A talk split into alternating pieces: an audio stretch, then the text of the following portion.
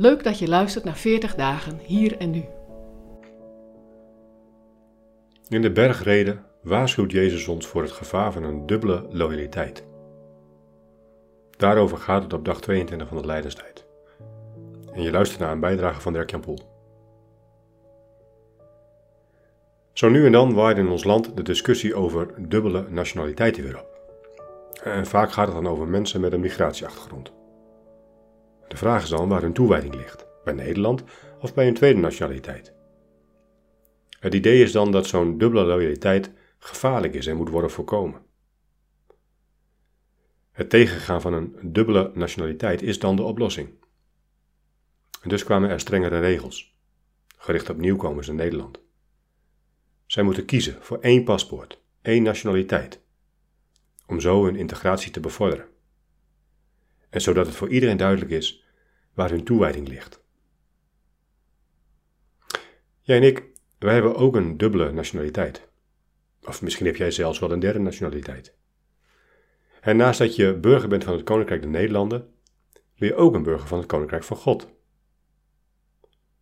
En Jezus, die waarschuwt jou ook voor het gevaar van een dubbele loyaliteit. In de bergreden zegt hij dat je niet kunt opgaan in de dingen van deze wereld en de dingen die in deze wereld belangrijk zijn, en tegelijkertijd loyaal zijn aan zijn koninkrijk. Daarvoor botsen de waarden van zijn rijk te veel met die van deze wereld. Een focus op een prettig en comfortabel leven, vanuit het idee dat je je eigen leven wel kunt regelen, zit je liefde voor God zomaar in de weg. En misschien denk je, ach, dat valt al een beetje mee. Ik mag toch ook genieten van de dingen in het leven? Zeker, er is niks mis met genieten. Maar toch, zie je hoe scherp Jezus de lijn hier trekt? Als je hart uitgaat naar dat wat in deze wereld belangrijk is, dan kan je hart niet tegelijkertijd ook verlangen naar dat wat in Gods rijk belangrijk is.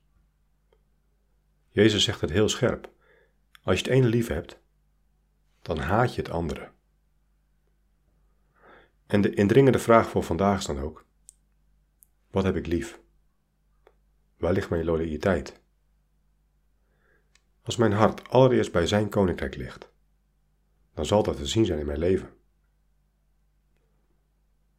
Wat onderscheidt mij, mijn vernieuwde leven, van het leven van mensen die Jezus niet volgen?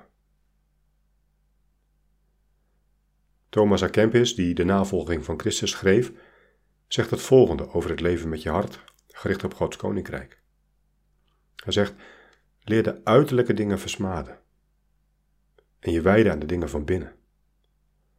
Dan zul je het rijk van God in je zien komen. Elke dag vraagt een bewuste keuze om je leven te richten op het rijk van God. Leer loslaten wat je daarvan afleidt. En ervaar zo meer en meer de vrede en vreugde die Jezus zo graag door zijn geest ook aan jou wil geven. Kom Heer en open in mij de deur naar het leven. Kom Heer en open door ons de deur naar het leven.